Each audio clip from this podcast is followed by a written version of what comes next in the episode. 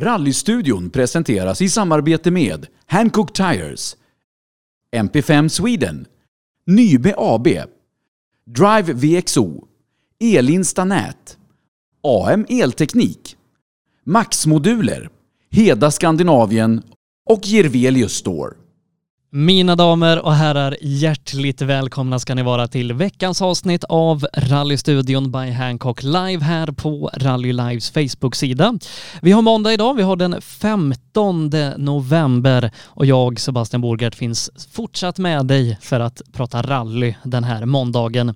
Vi har ju nu kört sedan pandemin startade egentligen i mars förra året och gjort en bra bit över 60 program nu med människor som på olika sätt då äh, varit med och äh, påverkat rally rallysporten, inte minst då genom sina framgångar och, och, resultat och insatser. Det har varit förare, kartläsare och, och så vidare. Men idag så ska vi prata om egentligen någonting helt annat än vad vi brukar göra. Eh, vi brukar prata med som sagt förare och kartläsare som berättar om hur fort de åkte i specifika tävlingar ofta då. Eh, men vi pratar inte så mycket om, om säkerheten och, och, riskerna med rallysporten och bilsporten och det ska vi göra idag tillsammans med Jan Persson ifrån Simson Europe som är en som är ute och, och pratar och föreläser mycket om det här med säkerhet, personlig utrustning och jobbar även då med att sälja, utveckla och inte bara här i Sverige utan hela Europa och världen och med många av de största teamen och tillverkarna då inom motorsport och, och rally. Så att idag kommer vi inte prata så mycket om eh, tävlingar och framgångar utan vi kommer prata lite om baksidan med det här med rally och motorsporten. Så att vi ska ta och koppla upp Jan Persson här alldeles strax eh, och prata mer om det här med säkerhet och personlig utrustning.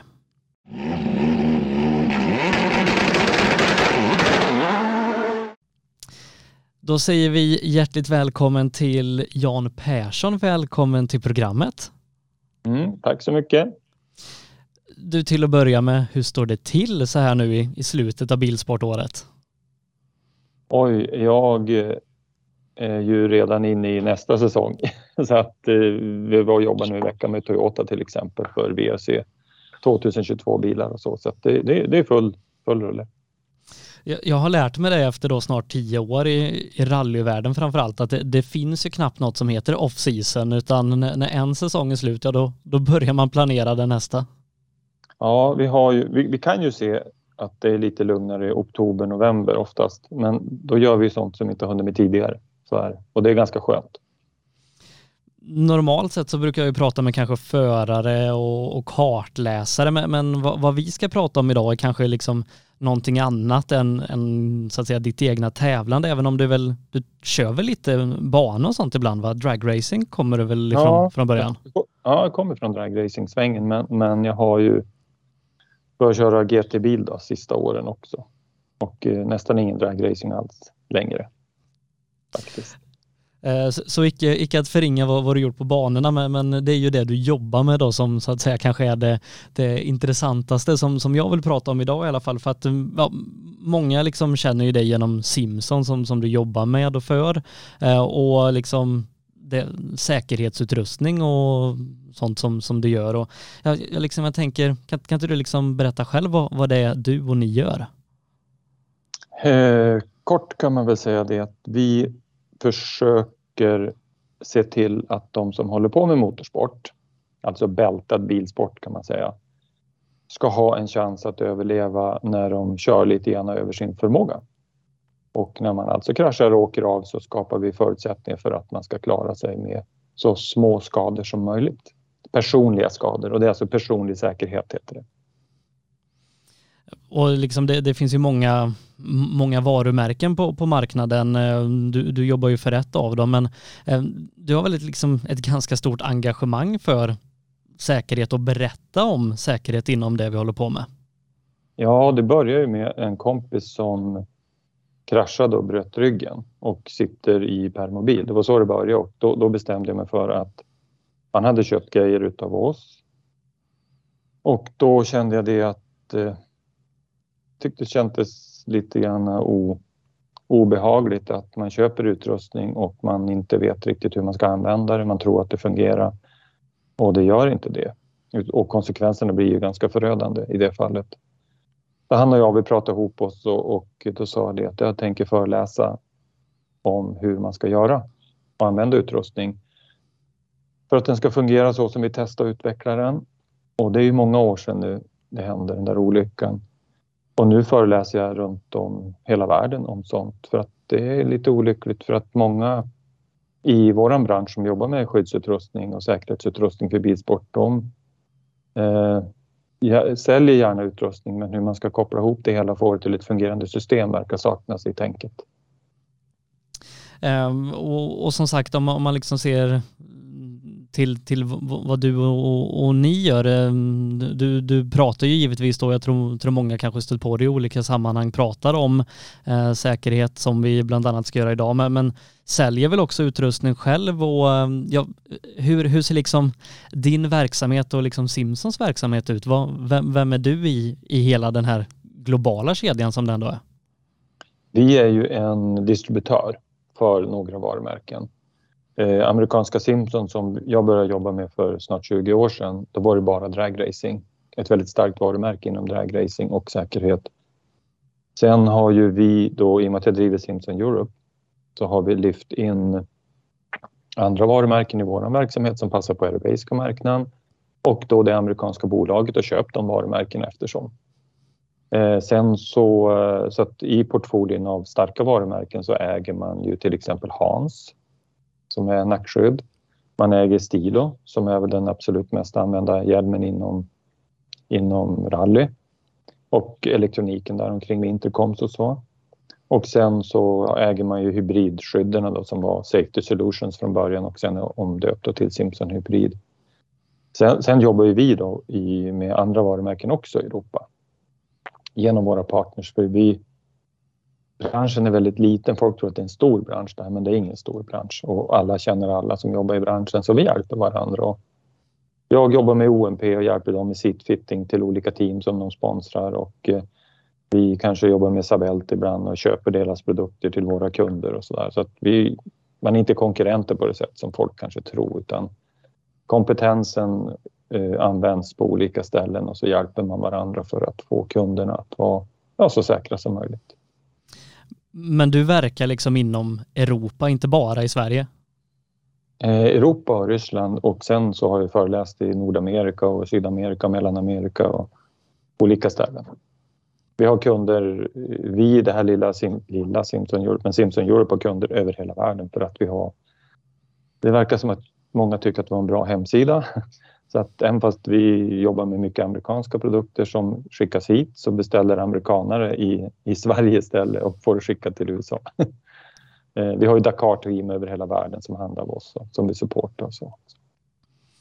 Du, du, du, nämnde ju mm, liksom din vän där olyckan, men, men liksom utöver det, hur, hur hamnade du i, i säkerhetsbranschen inom bilsport? Ja, det var för att jag tyckte det var så jävla tråkigt att tävla i dragracing.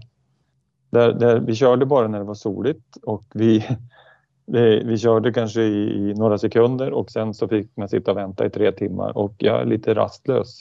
Så jag tyckte det att man kan väl göra någonting och då tänkte jag det att vi kan väl sälja någonting då.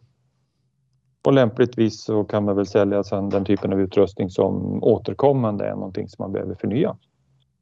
Och det man har lärt sig av gammal från när man börjar i, i sitt yrkeskarriär, det var det att om man gjorde ett bra jobb, då återkommer kunden. Och då tänkte jag det att eh, en hjälm går ut efter 12 år. Ja, har vi gjort ett bra jobb när vi sålde den för 12 år sedan kanske kunden kommer tillbaka och handlar oss. Så det var så det började. Hur länge har du jobbat med bilsport? Eh, som sponsor började jag för jättelänge sedan. Sponsor, sponsor inom bilsport. Eh, sen började vi med Simpson-verksamheten på svensk basis för kanske jag vet inte, 17, 18, 20 år sedan. Och sen ville de att vi skulle göra Skandinavien och sen ville de att vi skulle göra Europa och sen inkluderar man Ryssland i det också. Eh, att, att liksom få, få, jobba med, med sporten och det man brinner för, det, ja, vi, vi är ganska få förunnade i Sverige som, som får göra det. Ehm, jag jobbar ju kanske mer med, med de roliga bitarna, stå i sträckmål och, och prata med förare och kartläsare när det har gått förhoppningsvis bra, men du jobbar ju kanske lite mer med, med baksidan av, av sporten eh, och liksom försöka förebygga det som, som kan vara det väldigt tråkiga med, med bilsporten. Hur, är det ett kul jobb du har med, med tanke på liksom det du, du kan stöta på i, inom det här?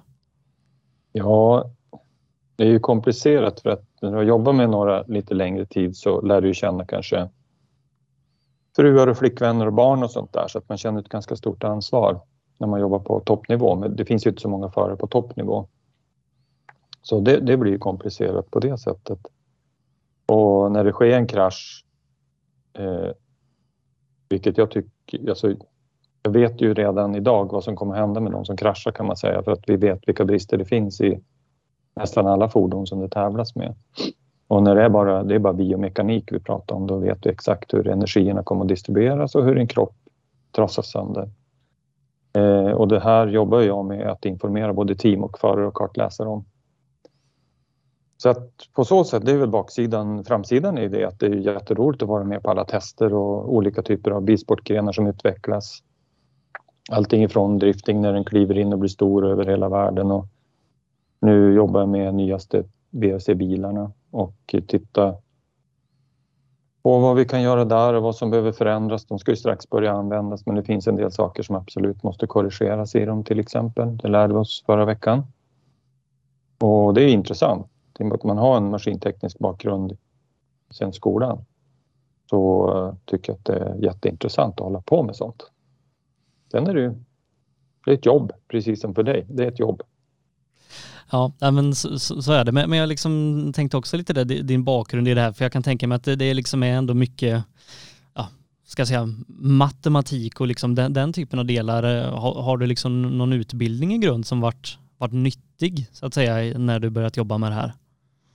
Ja, det nyttigaste är väl ur mitt intresse, det är den maskintekniska bakgrunden med att eh, man förstår lastberäkningar och man förstår energidistribution och sånt, för det måste du förstå. Jag är inte utbildad inom biomekanik, men eh, biomekanik och mekanik är relativt lik. Det är bara biodelen där som är lite komplicerad, för den går nästan inte att räkna på. Den är så dynamisk.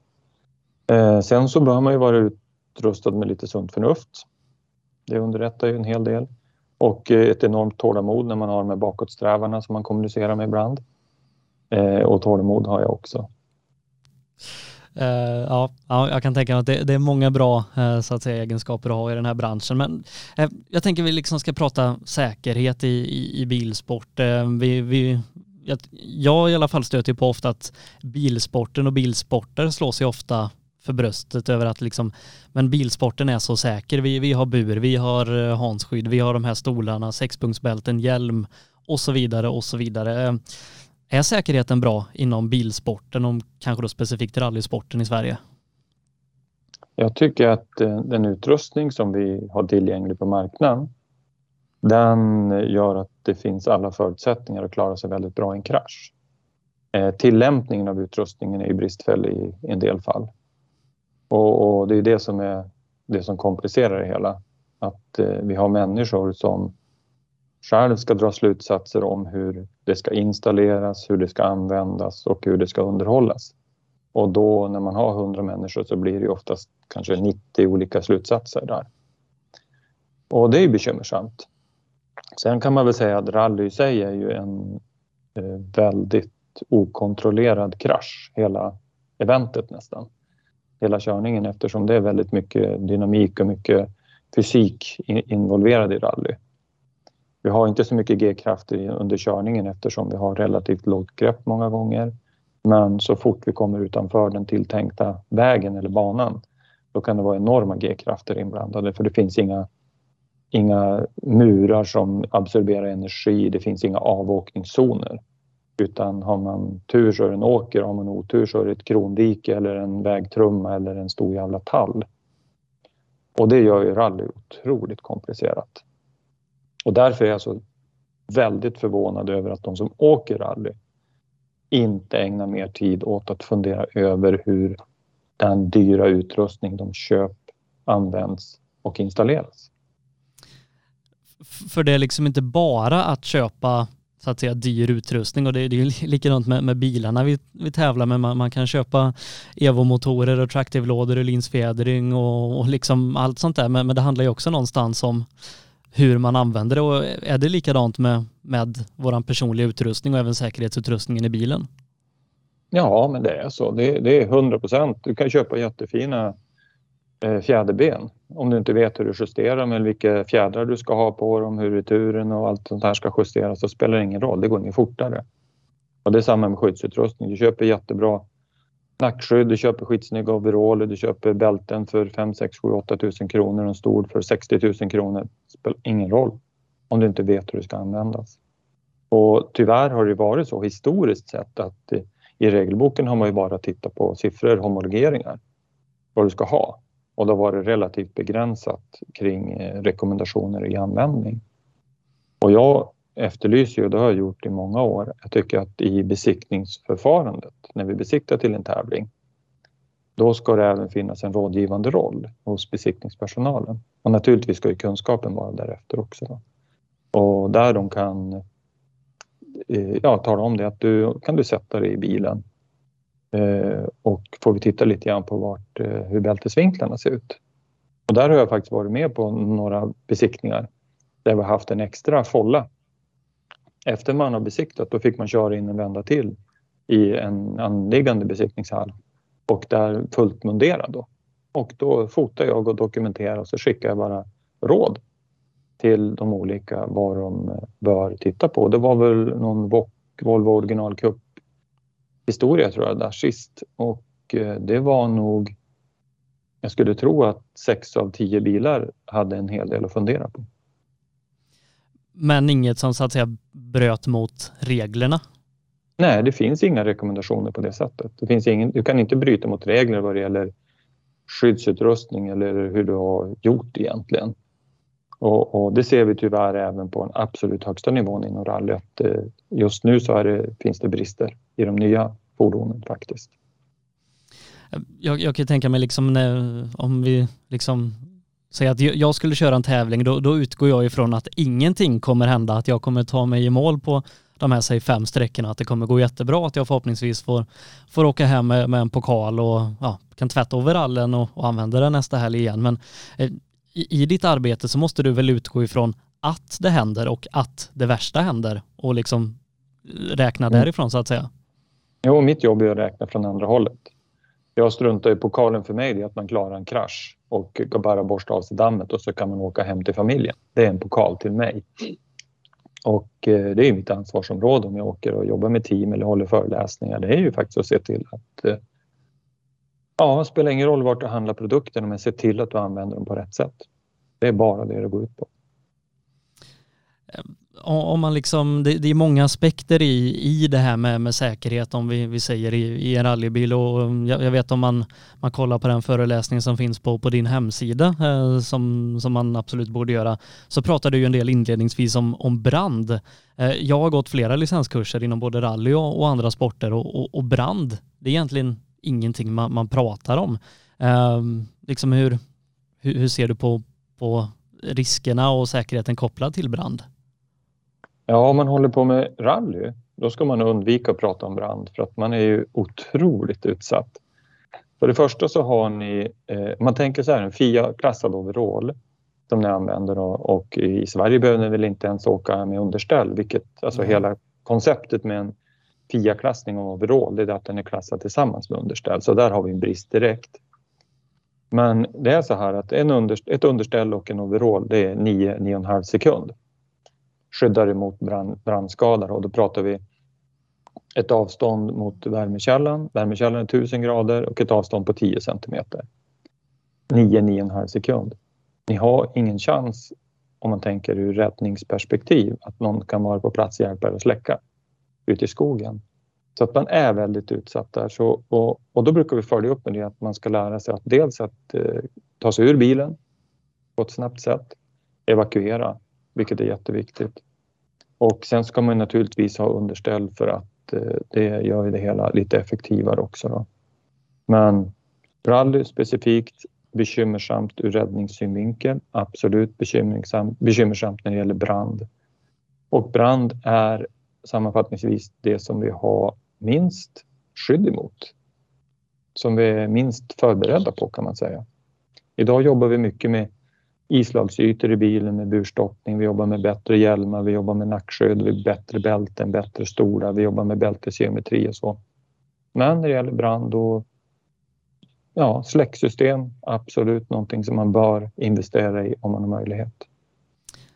Jag vet också att du har pratat om det här med att öva på att evakuera sig ur bilen. Alltså typ sätta för ögonen och prova att ta sig ut, inte via förardörren eller på den sidan man sitter i bilen. Mm. Det, det, har vi på alla föreläsningar och i alla sportgrenar. Det finns ju sportgrenar där det är obligatoriskt. Du får inte tävla, du får inte licens om du inte kan ta dig ur fordonet som du tävlar med. Och det ser vi i rally i en del sammanhang så har man ganska mycket spakar och eh, broms, handbromsar och sånt där emellan mellan förare och kartläsare och i drifting har man ju väldigt stora handbroms, hö, höga handbromsspakar som kan sitta väldigt långt bak också. Och det finns alltså problem att ta sig ut. Och det gäller ju till exempel om man har sladdat in i ett, en vägtrumma och man ligger på sidan så att förardörren inte går att komma ut ur. Eller man kör någon typ av banracinggren där man står mot ett amkoräcke med förardörren. Kan man då ta sig ut på passagerarsidan snabbt? Det bör man fundera över. Och det är sånt man bör öva på kanske nu under vintern när bilen står i garaget? Ja, det tycker jag. Man, man har ju de förutsättningar man har. Bilen ser ut som den gör, men är det bekymmersamt då kan det hända att man behöver fundera över, borde inte jag sätta en, en, en sprint på den här eh, handbromsspaken till exempel, att jag kan fälla den. Det finns sådana lösningar i en del bilsportgrenar där det har visat sig att det går inte att evakuera. Du jobbar ju som sagt med, med många olika eh, sporter då i, inom eh, det du gör. Står rally ut på något sätt om man ser i, i mängden eh, och svårighetsgraden på olyckor? Eh, mest olyckor med personskada har vi nog i folkrace idag. Mm. Eh, där man har kanske inte de allvarligaste personskadorna men på lång sikt så är det eh, personskador som är bekymmersamma för att eh, man kanske rehabiliterar sig hyfsat när man är 25 år men det kommer att sitta kvar och dyka upp när man blir äldre. I rally så har vi, tycker jag, det går fortare och fortare i rallyskogen även i de lägre klasserna. Man har bättre fjäderben, bättre bromsar, bättre däck och så. Och vi ser en del högenergikrascher i lägre klasser. Det går så fruktansvärt fort och vägarna verkar som att man vill att det ska gå fort också. Vägarna blir rakare. Eh, där tycker jag att vi har Ja, vi har, de åker med ganska bra utrustning, de som åker av och åker fort. Eh, de vill ha koll på det här med stolar och bältesvinklar och så. Eh, men det uppstår ändå en del problem efter kraschen då när det visar sig det att de kanske inte spänner fast bältena ordentligt. De sitter inte så hårt som man ska sitta. Det här med att låsa fast höften till 100 procent och eh, bältesspännet ska sitta ja, tre fingrar under naveln helst och sådana saker och så ska man sitta fast ordentligt. Det, det, det tenderar man att glömma bort på ett nationellt plan tycker jag. Men rally i sig är det är komplicerat. Det, det, är, det, är, det är en farlig bilsportgren utan tvekan. Den som är minst kontrollerbar det, är, det är rally idag. Eh, mm, man pratar ju ofta i rally om, eller bilsport, att man sitter liksom så fast. Vi, vi har burarna, vi, vi har våra eh, sexpunktsbälten, stolen sitter fast i golvet och så vidare. Men även om vi har allt det här eh, och kraschar eh, så sitter, alltså även om vi sitter så pass fast som vi gör så rör man väl sig väldigt mycket i en krasch?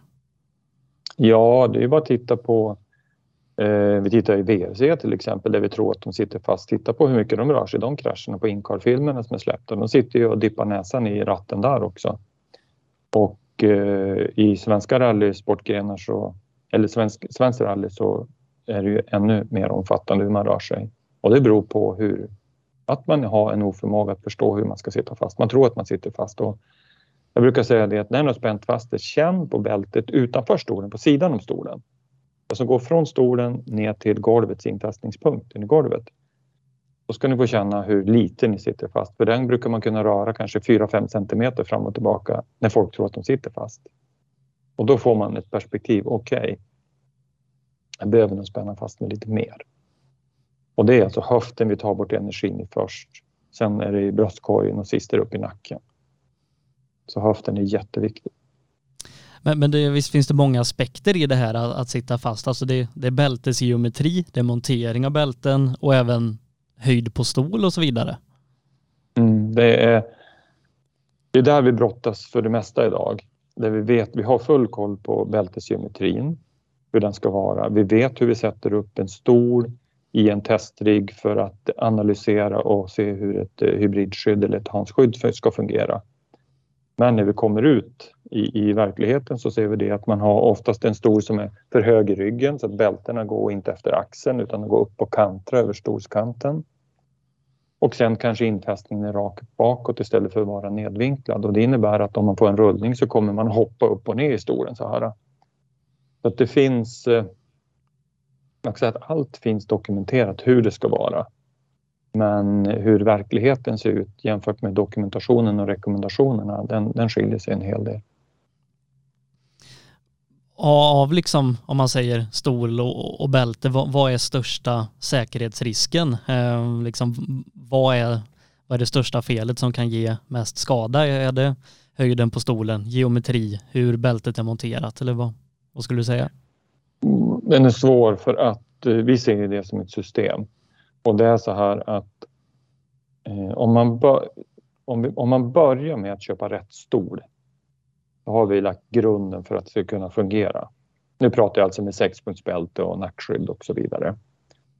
Rätt stol brukar vi säga, köp det först. Sen bygger du bil utifrån stolen, för stolen är ju köpt utifrån din egen anatomi. Och när du då bygger bil utifrån din anatomi och den stor du har, då får du rätt nedvinkling av bälten och rätt infästningspunkter. Då har vi gjort eh, mekaniken klar. Sen har vi det här med sunt förnuft och hur man tänker och, och då kommer det här att hur du spänner fast dig, hur du sitter fast och hur du justerar in ditt hybrid eller hansskydd så att remmarna till exempel är lämpligt långa för just dig.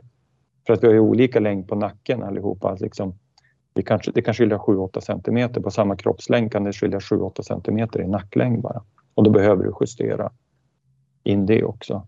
Men har man allt det där rätt, då, då har du en bra grundförutsättning om du tänker din anatomi, du tänker stor, du tänker bälte och så justera in nackskyddet. I, I rally är det ju inte ovanligt att man mer eller mindre varje helg åker med olika kartläsare men gör egentligen inte mer än att justera liksom in eh, bältena så att, så att, så att de, de sitter rätt. Uh, jag skulle kunna tänka mig med det du sagt att det är egentligen inte att rekommendera. Nej, det är rent olämpligt. Och det här pratar jag med kartläsare om ja, någon gång i veckan i alla fall. Sitter vi och diskuterar om sånt här. De ringer och undrar och Eh, jag anser att eh, ditt, eh, din stol som kartläsare, den är personlig. Det är en del av din personliga skyddsutrustning.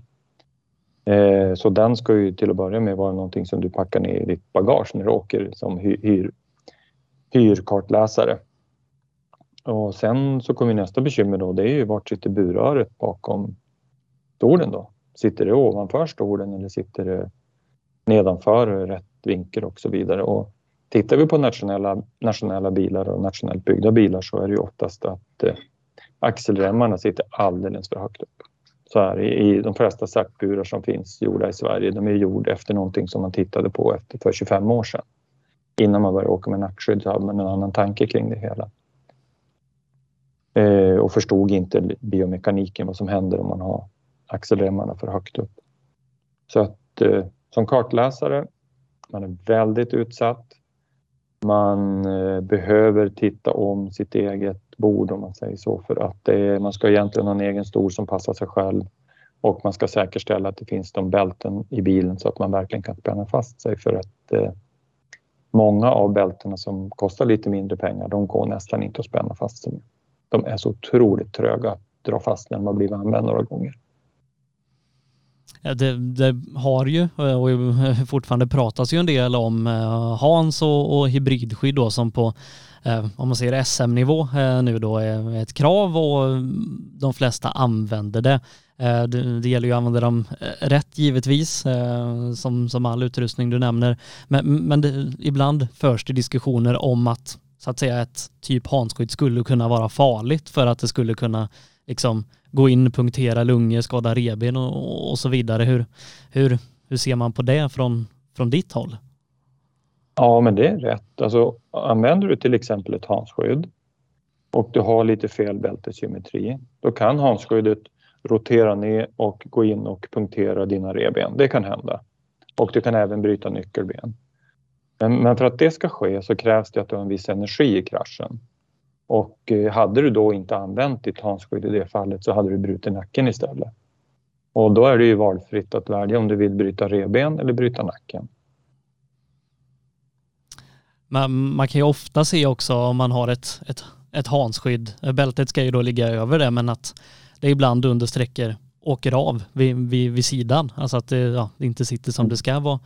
Vad är anledningen till det? Eh, anledningen till det är att under några år så jagade väldigt många tillverkare eh, så lätta hansskydd som möjligt. Och då tog man bort, det finns en liten klack på sidan som ska stoppa bältet från att halka av. Då tog man bort det och tänkte det att alla har perfekt bältesgeometri. Man tar ihop bältena bakom nacken, vear ihop dem där bakom och då glider det inte av så lätt. Men det visar sig att så är det inte. Och anledningen att det glider av det är dels att de kan glida av för att det är fysiskt möjligt men det är också för att man har fel bältesymmetri och man inte spänner fast det ordentligt. Sitter du hårt fast då glider de inte av. Har du rätt bältesymmetri så glider de inte av. Men som sagt, det är inte alla som har de sakerna rätt. Och då eh, finns det alternativet att till exempel använda ett hybridskydd istället. Eh, där bältena inte glider av på samma sätt. Men då ska man veta det att ett hybridskydd är ju ännu mer, vad ska man säga, det är väldigt förlåtande mot din kropp i en krasch. Men å andra sidan så behöver, är det mer beroende av att bältesvinklarna är rätt också. För att det ska fungera optimalt. Så vi återkommer hela tiden till bältesvinklar. Ja, ja det, verkligen. Och um, hur ska jag, säga att jag, jag bygger en nationell tvåhjulsdriven bil och ska sätta in då mina bälten. Hur, hur ska jag veta hur vinklarna ska vara? Ja, du kan ju, jag tror att SPF var rätt så bra på, på i sin dokumentation. Det är ju lite svårt att hitta ibland. Det, det, man får ju leta ett tag. Eh, det ska vara, man tänker axelbältena ska vinklas ner ungefär 20 grader bakom ryggen. 10 till 20 grader där någonstans till burröret där du fäster axelbältena. Och eh, vi rekommenderar en längd på bältet bakom stolen på ungefär 200 millimeter om det går. Och det är alltså två, två, två, decimeter från mm. stolsryggen till det burröret ja. som man fäster den i? Mm. Och det är för att när du åker med nackskydd då, då har vi så pass bra kontroll över energierna. Och då vill vi inte att du åker med en halv meter eller meter långa bälten för då om stolen skulle brytas loss då har du liksom någonting som wobblar runt in i cockpiten. Utan vi vill att bältena ska hjälpa till att hålla allting på plats. Och, och det är väl egentligen om man säger mest moderna bilar som har det här korta avståndet då, från stolsrygg till bursträvande bältet sitter två decimeter. Många av de äldre nationella bilarna sitter ju bak i hatthyllan. Ja, tyvärr är det så. Och, och då uppgraderar man ju de äldre nationella bilarna med Evo-motorer och allting vad man gör. Och dyrare fjäderben och växellådor och så, men man glömmer bort att tänka, åh visst, det fan, nu går det fortare och vi kanske behöver titta över säkerheten också. Och att svetsa in ett eh, till rör är ju relativt enkelt. Om det är en certbur så kan man ju göra det hos de som har certaburen en gång i tiden. Så att eh, det tycker jag absolut man ska fundera över. Eh, på tal om burar då, eh, det har ju de senaste åren då varit aktuellt med, med burstoppning efter att regler då gjordes om lite grann och eh, det har ju pratats om alternativ till de FIA-klassade som man liksom typ kan köpa på Biltema och, och Jula och sådär. Eh, hur, hur, hur, ser du på liksom det här med, med burstoppning och ja, vad man ska ha, hur den ska användas och varför? Eh, det är ju så med burstoppning att eh, det vi tänker på, när man tänker på burstoppning i Sverige historiskt sett så är det ju rörisolering. Och rörisolering den, har ju, den ska ju förvisso ta hand om energi men det är ju värme eller kyla vi pratar om. Eh, när vi pratar om burstoppning i bilsportsammanhang så är det energi i form av kraft vi pratar om. Och då brukar jag tänka så här, eller det, så här tänker man rent generellt. Det är att eh, vi vet att när du slår i en hjälm tillräckligt hårt i ett stålrör, då får du en blödning på hjärnan. Och vi vet också det att för att undvika den blödningen så behöver vi mer energiabsorberande material. Och alternativet då för att klara av det, att slippa få en blödning, det är att vi behöver göra hjälmen ungefär 40 mm tjockare på varje sida, alltså 8 cm i diameter tjockare. Och då skulle hjälmen bli relativt klumpig, stor och den skulle bli tyngre att ta på sig. Och då har vi bestämt det att eh, vi tycker i branschen, FIA tycker, SFI tycker att det är bättre vi sätter energiabsorberande material på de hårda ytorna i fordonet. Och det är det som är burrörsisolering eller ja, skyddsbursisolering eller vad man ska säga. Och det är där missförståndet, eh, många som vill använda de här rörisoleringarna, det fungerar ju bara för ja, värme eller kyla eller för att inte skava av lacken på burröret egentligen. Och de här hårda nu då, rörisoleringen som man använder för att absorbera energi, många tar ju den och så tycker de, åh gud vad hård den är, den här kan man ju slå ihjäl sig på. Jo, det kan du förvisso göra, men den är väldigt mycket mjukare än ett stålrör. Så det blir en process. Det blir ett hårt stålrör, sen en relativt hård burisolering, sen kommer skalet på hjälmen som är då kolfiber eller någon typ av komposit. Och sen finns det en EPS in i hjälmen och sen finns det skallbenet och sen finns det vätska och sen finns det blöta hjärnan. Och det är det där vi tar ner energin i kraschen. Uh, och man ska väl inte bara tänka så att man sätter sig i, i bilen och så ser man alla ställen där jag kan skalla i huvudet etc. utan man får väl tänka ett steg längre. Om jag kör in i den där tallen, vilka rörsträver kan då träffa mig i huvudet? Ja, precis. Det var bra att du tog upp det, för det där finns ju ett missförstånd och det är även missförstånd i regelboken har det ju varit under åren. Att eh, man, ska tänka, man, man, tänker liksom, man sätter sig i bilen och så tänker man okej, okay, vart kan mitt huvud röra sig åt vilket håll? Men det är ju så att buren fungerar ju optimalt. Det är ju när den har börjat deformeras för då tar den ner energin i en krasch. Och då kan den deformeras så pass eh, eh vad ska jag säga, mycket att ett burrör kan böja sig in över ditt huvud. Jag har haft ibland där det böjts in över kartläsare och där B-stolpens rör har slagit i förarens huvud istället. Då.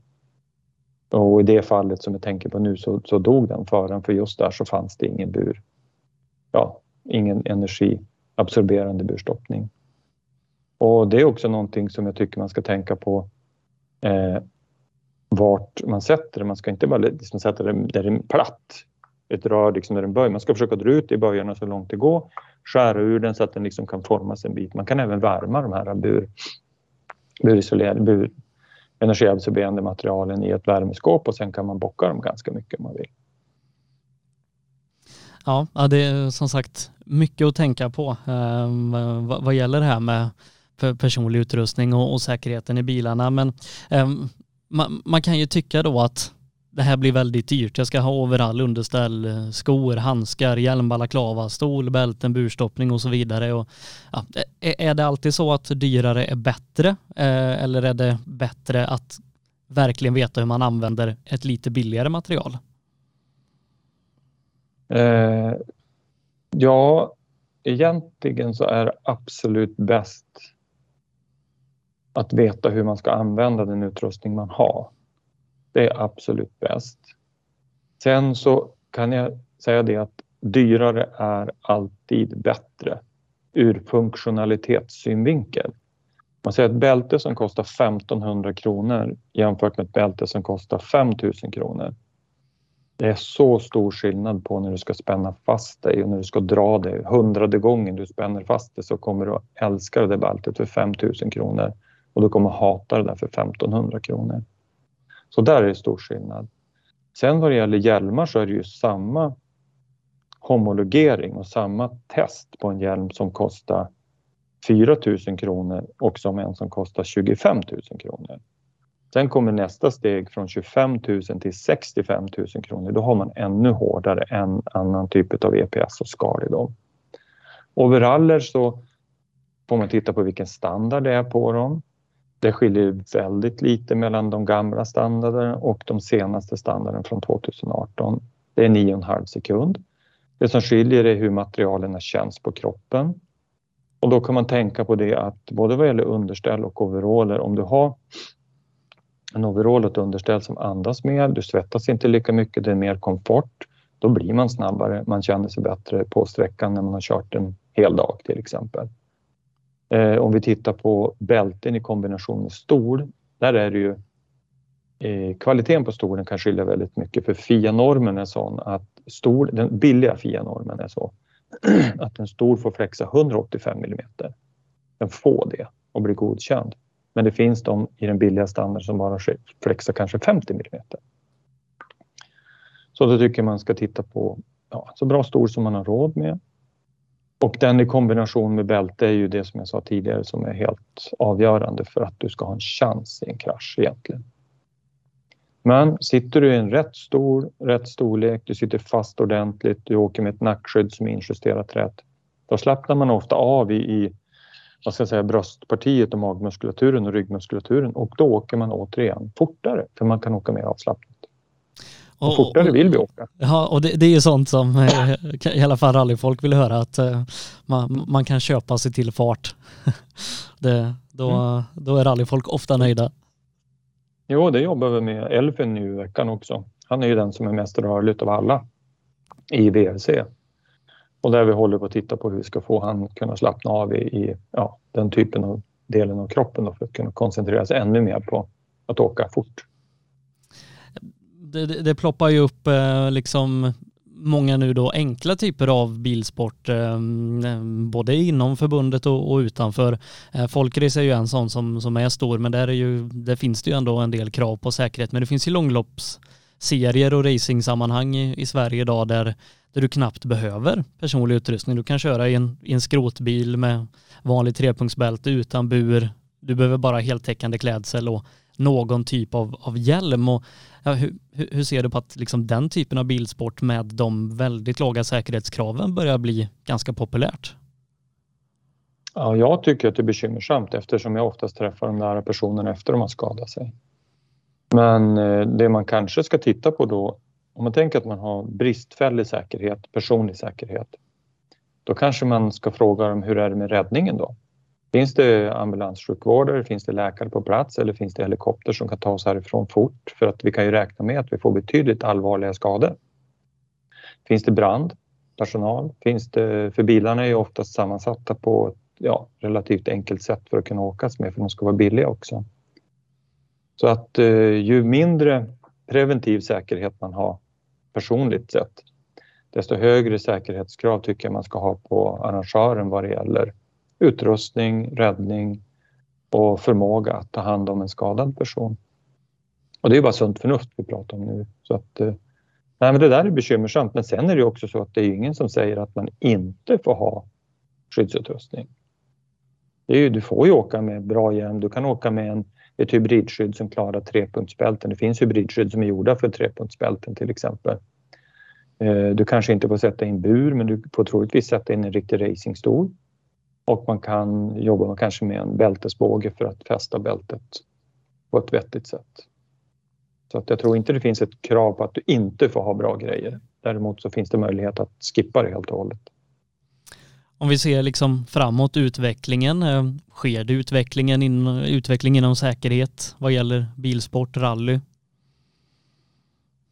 Eh, Ja, det gör det, men vi tycker inte att den utvecklas inom Europa på det sätt som den borde göra. Där, eh, nu, nu pratar jag med Fia och pratar med dem senast i fredags om det här. Där vi ser just nu att om man kan tänka sig så här att det finns politiska beslut att vi ska använda elektricitet i en del fordon som tidigare bara använts bensinmotorer eller racebensinsmotorer. Då. När vi har stoppat in de här elektriska lösningarna har man fått eh, kompromissa på vissa saker. Bland annat säkerheten för de som sitter i fordonen. Och det är bekymmersamt. Och ja, jag, jag, kan ju tänka mig elektrifieringen går ju väldigt fort inom bilbranschen och eh, motorsporten måste ju haka på där och det, det ser vi ju rallycrossen ska bli hel i VM och så eh, nästa år och mm. då kan jag tänka mig att jag dels liksom bilarnas utformning eh, måste hänga med ur säkerhetsperspektivet men, men också liksom eh, utrustningen overall och sånt för att vi pratar ju andra ämnen, andra typer av kemiska reaktioner och sånt som kan uppstå som kanske mm. inte gör det traditionellt i en bensindriven bil. Ja, nu pratar jag inte ens uh, den typen av problematik faktiskt, utan det, det jag hänvisar till är det att Eh, jag pratar inte brand alls, jag pratar alltså biomekaniska problem. Och biomekaniken i det fallet är det att fordonen görs ju betydligt stabilare för att klara battericeller också. När du gör ett fordon stabilare, då energin, det blir ingen deformationszon. Och när det inte blir någon energi kan man inte trolla bort, den omfördelas nämligen bara. Och eh, rörelseenergin i det fallet, den kommer att omfördelas till kroppen. Och det har man inte funderat någonting på än. Och, och jag tycker att det är problematiskt. Det kommer att funderas på det, men det kommer nog inte att hinnas till nästa säsong. Förare tycker att det är bekymmersamt, kartläsare har förstått att det är bekymmersamt också. Du har ju nämnt att du, du förra veckan var, var med Toyota när, när de testar sin hybridbil för 2022. Och, ja, vad är det du gör liksom när du är med, om vi säger Toyota då, på, på en testvecka? Jag jobbar enbart med att eh, säkerställa att eh, förare och kartläsare inte ska få följdskador när de kraschar. Det, det, är mitt jobb och mitt uppdrag. Analysera, titta igenom, eh, rapportera mina observationer, försöka korrigera på plats utifrån de förutsättningar som finns. Och eh, göra rekommendationer om vad som behöver byggas om. För, för, man kan ju tänka då Toyota, ett av de största fabriksteamen, att ja, de, de borde ha koll på mycket det här vi pratar om, liksom eh, bältesgeometri, burstoppning, Eh, stolslängder och, och, och, så vidare. Men det finns utmaningar även på den nivån. Ja, det gör det absolut. För det finns ingen person som är avsatt som har ett ansvarsområde inom det segmentet. Sen så är det så att FIA gör det ju lite problematiskt för du får ju bara homologera två stolar till exempel. Det finns, det finns massvis med saker som begränsar. Det är inte som om du tittar på DTM eller tittar på Nascar där du har en stol där du har kraftig stol eh, där du fäster bältena i stolen. Stolen är justerbar i 5 mm steg i bredd och djup och höjd. Och sen så gör du en insats i den. Det, det, det är ju så vi skulle vilja att det såg ut. Men så, det, det tillåter man till exempel inte i FIA VRC, än i alla fall hur liksom prioriterad är den här frågan hos, hos teamen, eh, liksom om man jämför säkerhet jämfört med prestanda, som, som det i vissa fall då kanske kan vara om de behöver bygga om någonting i bilen? Ja, föraren och kartläsarens uppdrag är ju inte att krascha, utan teamets uppdrag och förarens uppdrag det är ju att vinna VM. Och eh, då förstår du prioriteringarna. Så eh, är det svårt eller lätt att få, få genomslag? Jag, jag kan tänka någonstans är du anlitad för att vara där också. Så att eh, någonstans så vill de ju ändå veta vad du har att säga. Jo, de är ju, de är ju vad ska man säga, medveten om att eh, det händer saker i en krasch. Och det har vi sett de senaste åren. Vi har haft flera kartläsare som har suttit med ryggproblem eller tre stycken under den här säsongen där någon till och med har knäckt några koter. På grund utav eh, de har börjat förstå det. det. Det, det beror på någonting. Och det beror på tillämpning av befintlig utrustning. Jag, jag kan ju tänka mig liksom att som, som bilsportare och som liksom aktiv inom den här sporten att ändå, eh, även om det är allvarliga saker som du jobbar med, ändå är kul att någonstans få vara med och ja, liksom ha haft ett finger med i en VRC-bil? Jo, det ska jag. har jobbat med det i tio år. Alltså, nästan alla VRC-team och alla som kör nu för tiden, och alla kartläsare och så känner jag ju personligen. Men det är ju ändå lite frustrerande när man ser att eh, eh ja, det, fordon byggs utifrån att gå så fort som möjligt och det, det är ju viktigt naturligtvis. Men eh, de kraschar och de får följdskador. Det har bevisat sig gång på gång på gång. Och vi vet, vi som är i branschen vet varför de får dem. Du nämnde ju kartläsare, mm, bland annat då Dan Barrett är väl kanske en då eh, som bland annat åkt med Katsuta och Elvin Evans eh, som vi vet har skadat sig i samband med eh, hopp och så vidare. Vad, vad, är det som gör att kartläsarna skadar sig? Är det, är det att bilarna går så mycket fortare nu än vad de gjorde förr och att det är mer krafter eller är det att säkerheten brister liksom i, i bilen eller kombination? Ja, det vanligaste felet är att eh, bältesgeometrin är fel så de sitter inte fast ordentligt. Och när de inte sitter fast ordentligt kan de inte spänna fast ordentligt. Och det finns kartläsare som de gillar att sitta med ganska tillbakarutad stol, sitta så långt ner som möjligt, har ju varit teamorder för att få låg tyngdpunkt. Och då får du en annan påfrestning på ryggraden, kota T6, 7 8. Du får en, vad ska jag säga, det krumma liksom, man sätter man krummar framåt lite grann.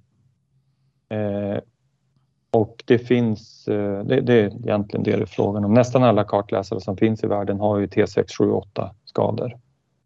Och det ger ju sen när du blir lite äldre och pensionerade så har du avdomningar ute i fingrarna. Så det, det, det kommer som ett brev på med pensionen. Eh, pratar Jag om Elvin Evans där då, när, när man tittar in kar VRC live-tv, då, då tycker man ju ofta att han sitter lite lustigt, liksom framåtlutad långt fram och så vidare. Sitter han, sitter han tillräckligt säkert? Nej, det är ett bekymmersamt kapitel med Elfin. Vi pratade om det i, vad var det med han, i, i onsdags jobbade jag med honom. Och han har ju en framåtlutad körstil. Eh, och det ser ju alla som tittar på det att han sitter ju inte fastspänd heller ordentligt. Han rör sig och roterar så otroligt mycket i sin överkropp. Men han har ju fått ganska allvarliga skador i bröstryggen också. I fjol var det väl när han var borta något rally för att han hade sådana skador i bröstryggen efter ett hopp. Och nu till nästa säsong så är det till och med kortare fjädringsväg på bilarna igen. Så att eh, det kommer att bli mer utsatt. Men, men då, då, tänker man ju liksom, du pratar om det sunda förnuftet, att om du säger till att men Elvin så här kan du inte sitta, så, så här och så här måste vi göra för att det ska vara säkert. Va? Då tänker man att men det borde vara no-brainer att göra så. Men det kanske det inte är. Nej, det är ju så att de har ju ett uppdrag. Och det är att ta bilen så fort mellan punkt A till punkt B som möjligt. Och om han gör det på det sättet som han sitter, det går fortast för honom då tycker han. Då kommer han att fortsätta med det ganska länge. Men däremot så ser vi de yngre som har fått det här från inskolat från början. De har ju inget problem som helst att förstå det här med att sitta fast för de har känt, de vet ingenting annat. De vet att sitter man fast ordentligt så är man säker. Så om man tittar på de här yngre stjärnorna som kommer upp, nästan alla är väldigt medvetna om den personliga mm. säkerheten.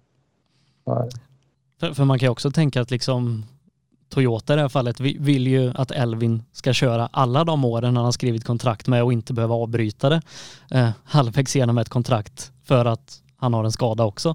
Så att man kan tänka, man kan se det från det perspektivet ja. också. Jo, men om man tittar på han, han är ju en jättesnabb kille, men han satt ja. precis på samma sätt i Ford också. Så att han har den, ja, det sättet. Men vi kanske kan göra någonting bättre. Vi ska testa lite annan utrustning. Eh, eller ja, en variant av någonting nu till nästa. Ska vi se. Eh, men liksom mycket vi, vi har pratat om här den här stunden det är ju hur vi ska använda vår utrustning för att den ska vara säker. Det, du och många andra säljer ju bra grejer liksom som, som finns där ute i garagen. Hur ska vi, om vi återgår till den svenska nivån, se till att alla, säg 110 bilar som startar i, i förhoppningsvis då SM-premiären i Boden har rätt stolslängd, liksom använder burstoppningen på rätt sätt och bältesgeometri. Hur, hur ska man se till att det blir så? Ja, jag tycker att man gör som vi gjorde med VOK-grejen här senast. Att eh, man lägger lite extra tid på besiktningen så kör man in dem en halv till och så sen så får de en rådgivande. Man fotar den från sidan och sen så ger man dem råd och tar. Känner liksom, hur sitter du fast nere vid midjan? Sitter du fast ordentligt? Visar att du sitter inte fast. Och din stol är för kort eller den är för lång. Och så sen så fotar man och dokumenterar så skickar man det till dem som tack efter tävlingen och berättar att vi gjorde de här iakttagelserna tillsammans med dig. Och vi rekommenderar att du tittar över hur stolen är infäst eller hur bälten används eller ja, man talar om helt enkelt det här kan man göra. Det är oftast det bästa sättet. Inte dömande på något sätt utan bara rådgivande och, och förklara också det att om du kraschar så här då kommer ditt handskydd att rotera fram. Du trycker nog av kanske två revben där för du sitter snett på det sättet och ett revben där och du kommer kanske att knäcka nyckelbenet här uppe. Det kan man ju berätta. Och då alla som håller på med rally, de vet ju det att shit, då blir jag sjukskriven i tre, fyra månader. Det kostar mycket mer än att köpa en ny stol, att vara sjukskriven. Och då kanske de köper en ny stol eller ändrar bältesvinklarna så att det blir på ett bra sätt. Det tycker jag är rätt pedagogik. Behöver man från så att säga, förbundet jobba mer med regler kring säkerhet eh, och liksom, ja, utbildningen, distrikten, klubbarna, de som utbildar och som har licens? Jag tycker att reglerna är ganska bra. Man behöver väl kanske förenkla dem. Det har jag pratat med många om sist där jag var med på något stort möte. Jag tycker att man ska... Det, det är så mycket hänvisningar till olika saker men alltså säkerheten har ju bara att göra med din kropp och din anatomi och ett, ett hårt chassi. Det är så enkelt att, att renskriva det så att alla kan förstå. Och där kan man jobba med en, kon, alltså en konsekvensbeskrivning också, tala om det. Om du inte jobbar med nedvinkling så är det okej okay enligt regelboken men det här kommer att hända i ett högt lyft så kommer du att lätta ungefär 70 millimeter ifrån storsbotten och när du landar och fjädringen bottnar så kommer du slå ner med arslet i hård kraft och då gör du illa svanskotan. Men om du sitter fast ordentligt och vinklar ner det så här då undviker du det och dessutom så slipper du att hansskyddet roterar fram och knäcker revbenen. Det är relativt få ord och där man kan beskriva en konsekvens enkelt tycker jag. Um, vi, vi kan nog prata säkerhet eh, hela kvällen här, men, men Jan, det har varit jättekul att, att, få prata med dig om det här och hoppas att, att eh, någon har ta till sig av, av vad du sagt och kanske tänker om eller eh, bekräfta det som man, man redan gör rätt. Eh, jag, jag, brukar som sagt prata mest med förare, kartläsare och andra. Eh, så att jag, jag, har ju tre standardfrågor jag brukar ställa avslutningsvis. Eh, vi, vi, får se om du kan svara på dem. Du, du ser ju in i bilsporten på ett annat vis än vad en förare, kartläsare eller sådär gör. Eh, men, men den första av de här avslutningsfrågorna då är vilken prestation eh, är du stoltast över om man säger i din bilsportkarriär? Nu, nu är ju din prestation att se till att jag och alla andra efter en krasch inte liksom hamnar i, i permobil kanske? Ja, alltså mm, det som jag är mest stolt över som prestation det är det att jag har två eller om det är tre gånger ringt jag har sett krascher på tv och ringt till den som har kraschat och talat om för dem vad som gick fel och talat om för dem vad de har gjort illa. För jag har sett bilden innan. Det här gick fel och så här gjorde du illa. Stämmer det? Ja, säger de. Och så de gjorde illa sig. Och sen tycker jag också att det är rätt så trevligt när jag kan sitta och titta på Rally Mexico på VRC Live och skicka ett sms till stallchefen och tala om för att du, de där bältena ligger fel. Nästa sträcka så ligger de rätt. Det tycker ja. jag det känns bra. Eh, du har ju rest mycket i alla fall eh, kan jag tänka mig i ditt jobb och vilken är den häftigaste plats i världen du fått besöka tack vare bilsporten? Oj. Eh, alltså det är så många ställen men jag tycker nog att eh, jag tycker nog att någon av, ja faktiskt Portugal tror jag. Rally. Att vara på rallytester, VRC-tester i Portugal med de entusiaster som finns där redan under test. Det är helt galet. Jag var med Thomas Råds, Thomas och jag åkte dit. Och så var vi med Citroën på test med Löb och, eh, och eh, ja, några andra. Och det var helt galet. Thomas, det var ju länge sedan Thomas Rådström åkte. Men folket som jobbar och finns där springer och jagar honom för att få hans autografer. Det, det är så himla häftigt. Alltså, de är så entusiastiska där. Så Portugal.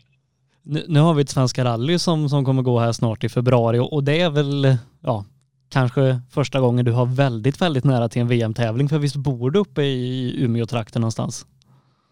Ja, det är helt makalöst.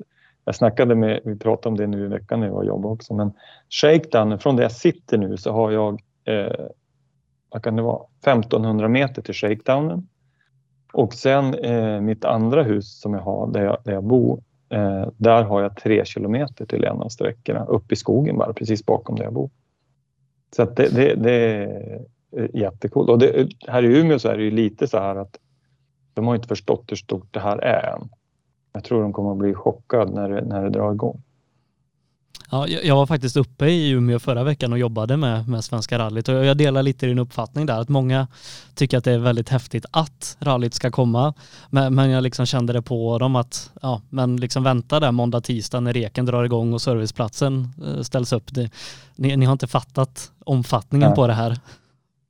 Nej, det, det, är verkligen så och eh, det, ja, men det blir spännande och jag tror att eh, vi kan nog göra det bra. Vi har en bra infrastruktur för hur rallyn kommer att se ut i framtiden tror jag. Där det finns eh, bra sätt att transportera och det finns ganska mycket boende i, i regionen då, men det är ändå fullt för att det finns ju mycket mer boende här än vad det fanns i Värmland på det sättet. Men eh, det måste ju till ännu mer faktiskt. Och jag var ute och åkte ganska många sträckor. Jag kan säga att det, det är bra vägar också där uppe så att det kommer bli bra. Eh, till, till, den sista sträckan eller sista frågan då. Eh, du, du har ju och liksom fortfarande då kör ju lite tävlingsbil själv. Eh, men vilken är den bästa bil du har kört? Eh, ja, det är ju den som jag kör just nu tycker jag. Det är en GT3, en Porsche GT3 som är satt upp riktigt trevligt för att åka trackdays då. Och eh, känslan och spänningen i den i och med att man kör helt utan elektronik och så. Det är, det är spännande och roligt tycker jag. Har du rätt bältesgeometri? Ja, hyfsat. Det går inte att göra så mycket åt de där bilarna faktiskt, tyvärr. Jag tycker att eh, jag har jobbat med Porsche i många år och från början med GT3 så satt ju till och med axelbältena på olika avstånd så att ett satt 30 centimeter närmare än det andra och det är ju sån katastrof och det var fabriksburarna. Så att eh, ja, så är det till och med på toppnivån att det kan bli fel ibland. Uh, du Jan, det var jättekul att, att prata med dig om uh, säkerhet och det, det arbetet som du och Simson gör. Så får jag tacka så mycket för nu och så hoppas jag att vi syns på en tävling snart. Mm, mycket trevligt att pratas vid. Tack ska du ha.